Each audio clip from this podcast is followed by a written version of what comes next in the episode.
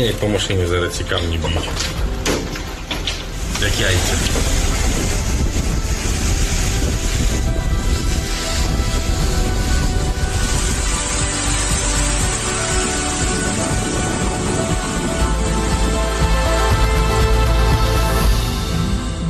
RAC més us ofereix Oxigen amb Mònica Usart. L'endemà de la pedregada històrica i mortal que hi va haver el 30 d'agost del 2022 a l'Empordà, el dia 31, un episodi de xàfecs intensos va afectar gran part del país. Es van acumular quantitats importants d'aigua i va haver fenòmens de temps violent. Què va passar? Estava previst? En aquest episodi ho intentem resoldre.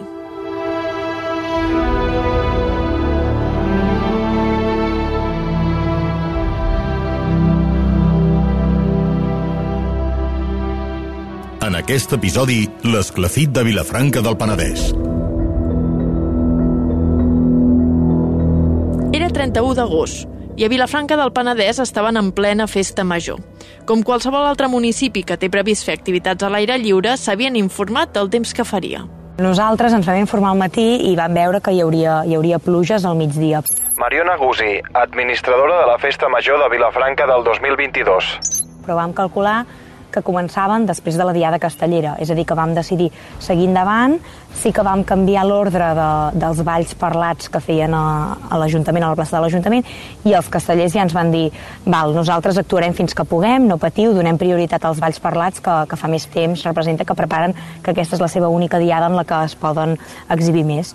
I així ho vam aclarir i es va posar a ploure com ja teníem pensat, a l'hora dels castells. Ells van poder fer una mica d'actuació, ni molt menys tot el que tenien preparat, però com que ja eren conscients de que en aquell moment plauria, van parar les gralles i en aquell moment tothom va córrer a xuplugar-se. El que sí que nosaltres no pensàvem és que hi hauria un esclafit, plauria d'aquella manera. Això sí que no ho teníem contemplat per res ni, ni ens havíem informat prou de que podria arribar a ser tan gran la catàstrofe. Nosaltres havíem previst pluja, pluja forta, però per res el que després va acabar sent. Els cinc administradors de la Festa Major, davant dels pronòstics, ja van alterar l'ordre d'algunes de les activitats. Era l'única cosa que podien fer abans de saber el que realment passaria, però no tothom estava al cas d'aquesta previsió. No, en cap cas. Laia Colomer, periodista de rac i membre dels Castellers de Vilafranca. De fet, nosaltres estàvem enmig de, de la festa major de Vilafranca i com passa no, a molts pobles i a moltes ciutats que quan estàs de festa major una mica perds la noció del temps, eh, no mires les notícies, no mires la, la previsió meteorològica i, i, i no sabíem que, que hi podia haver un esclafit com aquest, ni tan sols sabíem que, que hi podia haver tempestes. Sí que els dies eh, del voltant, el dia abans, dos dies abans, havia plogut una mica, podíem no, preveure de tindrem algun ruixat, però, però en cap cas sabíem que, que hi podia haver un, un esclafit com, com el que hi ha, i sobretot per això, no? perquè quan estàs de festa major estàs més a fora de casa que dins, no engegues la, la televisió per res, tampoc mires gaire les xarxes socials, um, i clar, no, no sabíem que, que hi havia una, una previsió com aquesta.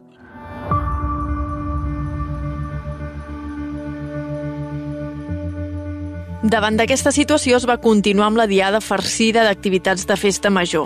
Els castellers ja eren a plaça. Doncs quan va començar la tempesta jo estava a, a la plaça de la Vila, era eh, que és just davant de l'Ajuntament de Vilafranca, crec que era cap a les 3 del migdia, quarts de 3, les 3 del migdia, i, i nosaltres érem a la plaça perquè just llavors començava la diada castellera de, de Sant Ramon, que és una diada que, que es fa molt tard, com deia, cap a les 3 de la tarda, i de fet la diada la vam poder començar. Um, havíem fet el, el primer castell, veiem que de lluny no, s'acostaven núvols uh, ben negres, núvols uh, amenaçadors, i tots vam pensar això avui acabarà amb aigua, però el que va, ens va sorprendre més és que va arribar molt ràpid. De fet, vam tenir temps no? de, de fer un primer castell sense que plogués i quan vam començar a, a muntar, a preparar-nos per fer el segon, és quan va començar a ploure i realment tot va anar molt ràpid perquè va ser en qüestió de minuts que va passar de... Sí, veiem els, num, els núvols no?, que s'acostaven i de cop va, va començar a ploure i a girar-se un vent que crec que jo mai havia vist un vent, un vent tan fort com aquell. A partir d'aquí, tot plegat es va convertir en un autèntic caos. La gent corria amunt i avall de la plaça i fugia de balcons i finestres per trobar un lloc segur on refugiar-se. Els cinc administradors, que, que som els que organitzem la festa, estàvem al balcó de l'Ajuntament presidint la diada en aquell moment, junt amb els regidors, regidores i, i convidats diversos. Mariona Gusi, administradora de la Festa Major de Vilafranca del 2022.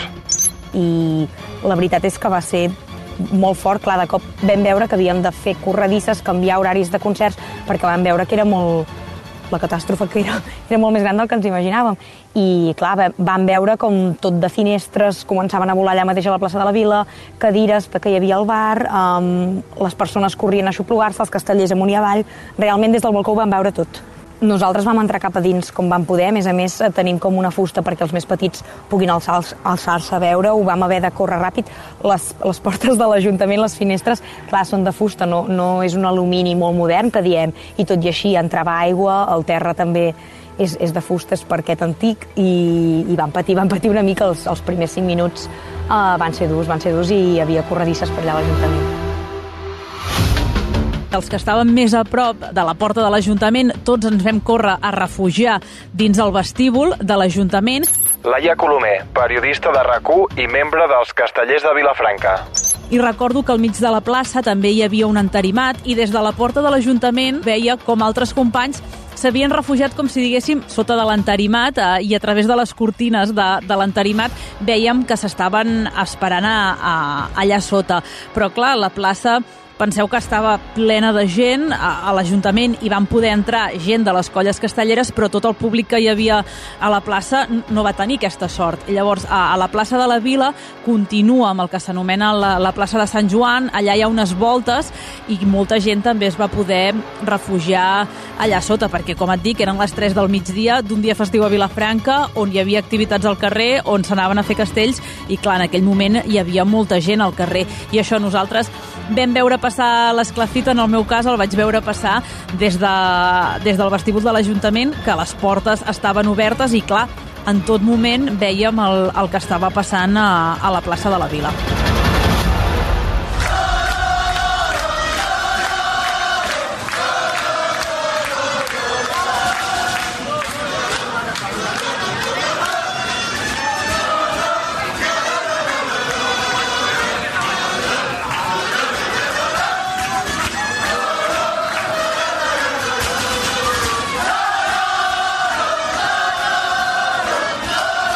Castellers, tot i veure sorpresos per aquesta ventada, es van refugiar on van poder, però no van defallir i van continuar amb els càntics. La festa major els corria per les venes.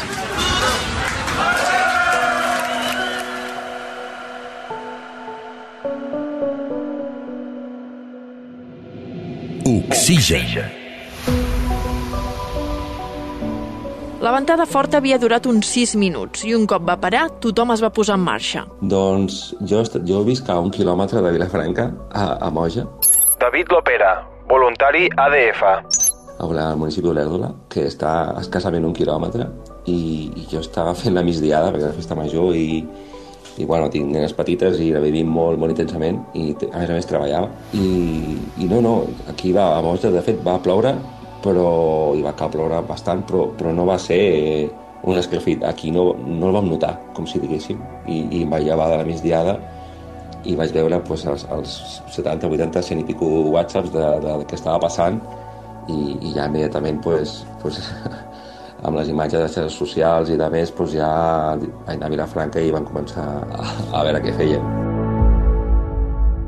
Les imatges dels carrers feien por. Just després de, de l'esclafit, eh, jo estava a la plaça de la Vila, me'n vaig anar cap a, cap a casa meva per dinar i va ser en el moment no, que, que obres les xarxes socials i comences a veure totes les fotografies que, que la gent va penjant de com ha quedat no, la, el, la, la seva zona, no? I, i me'n recordo rebre fotografies de com havia quedat no? el pati del local dels castellers de Vilafranca.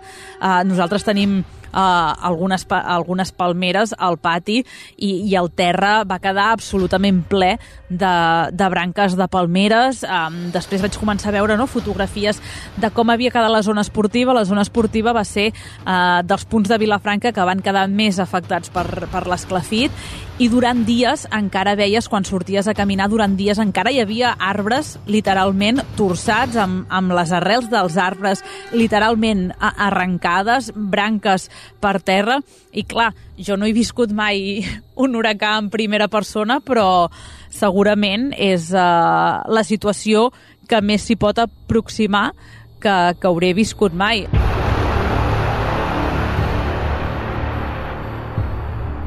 El que acabava de passar allà ningú ho entenia. Havia estat un tornado? Un esclafit? O simplement una ventada forta lligada amb la tempesta?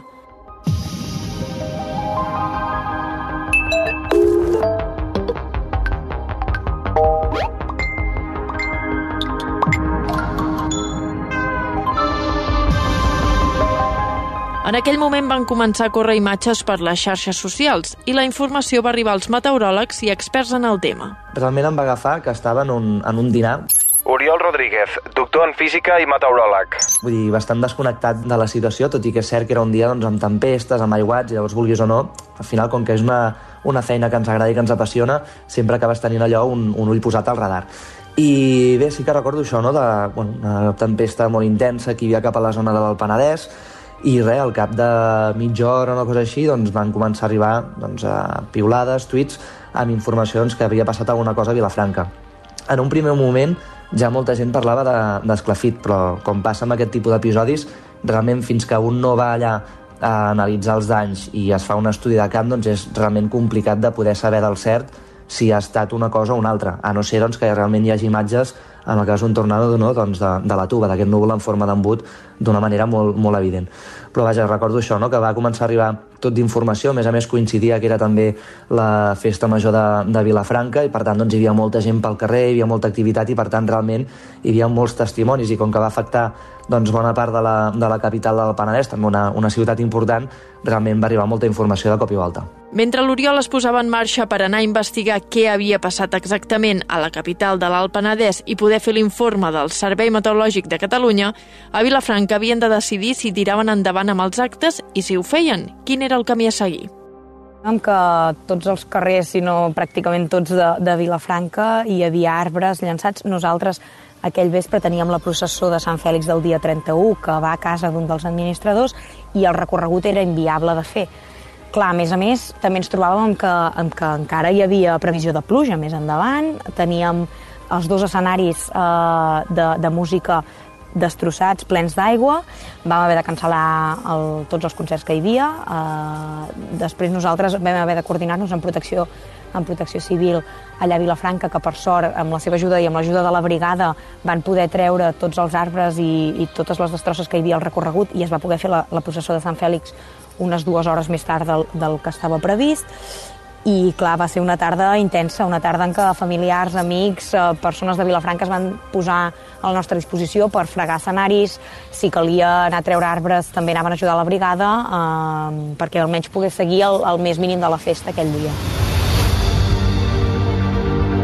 Familiars, amics, ADFs, brigada i tota la gent disponible es va posar en marxa per tornar a la normalitat el més aviat possible. La nostra tasca principal va ser la de... David Lopera, voluntari ADF.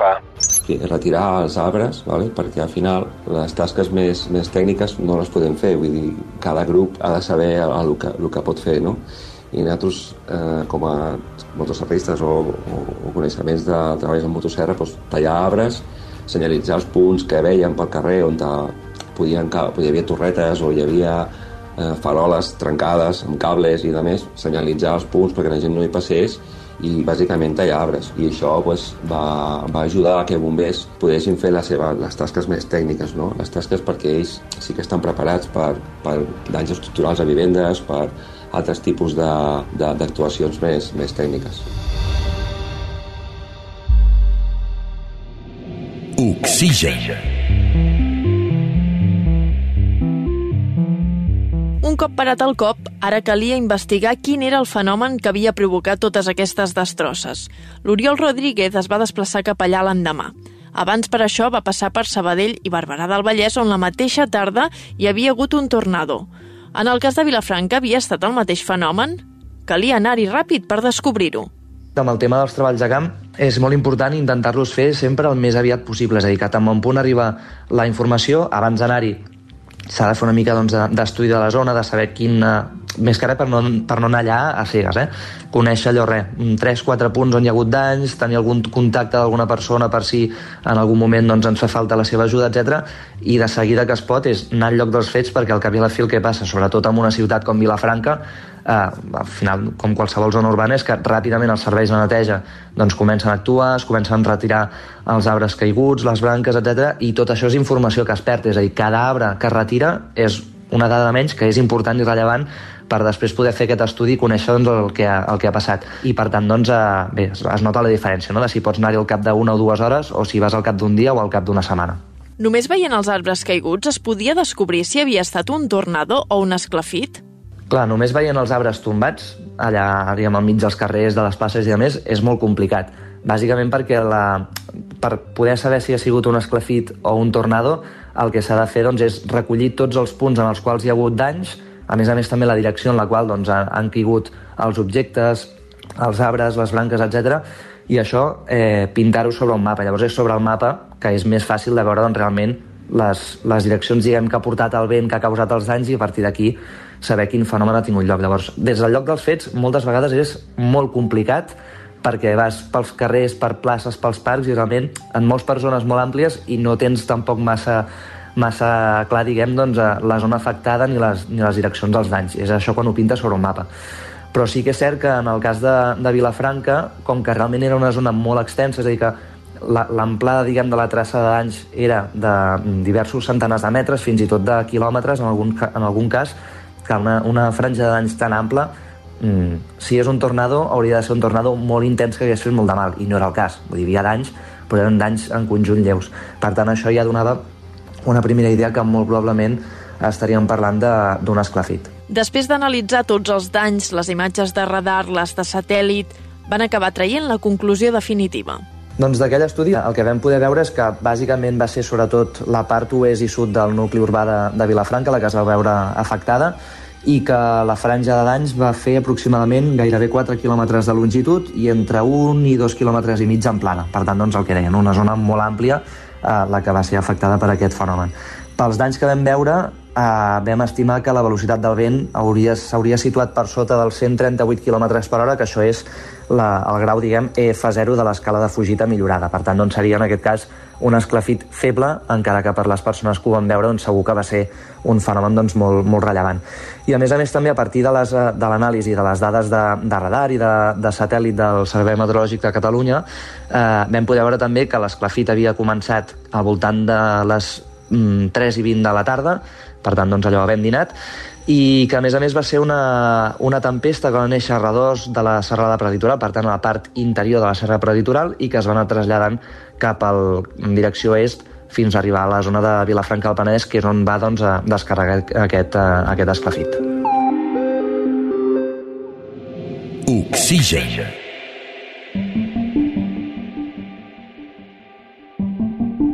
Fenòmens d'aquesta magnitud posen a prova les persones i agafar consciència que això pot anar passant ens pot ajudar a sobreposar-nos a situacions extremes. Aquest dia va ser una, un exemple de, de capacitat de resiliència, no? David Lopera, voluntari ADF. De que la societat, que el voluntariat format i organitzat pot aportar un gran valor a fer-nos menys vulnerables, no?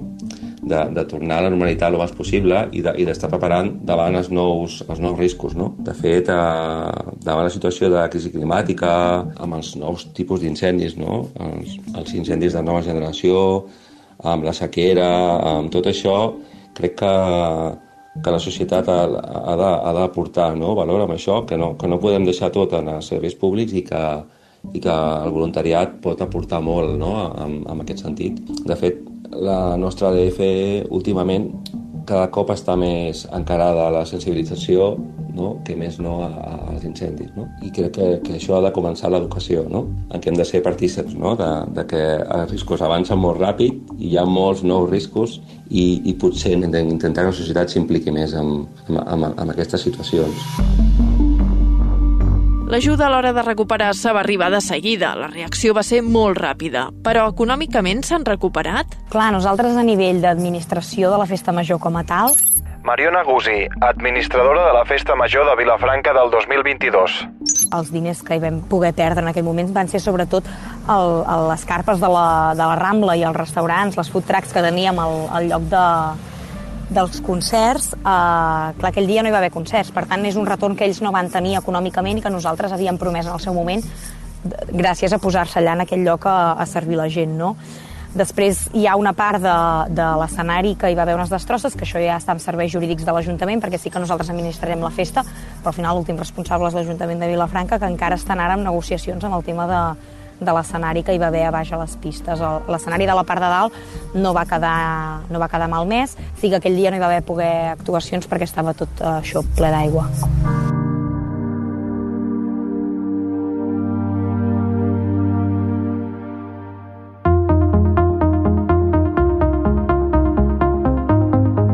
L'esclafit va fer trontollar la festa major de Vilafranca del Penedès, però la capacitat de reacció de la societat va ser molt bona. Davant dels fenòmens extrems hem de tenir dues idees clares. Cal que estiguem al cas de les previsions i, un cop passi la tempesta, unir-nos per recuperar-nos com més aviat millor.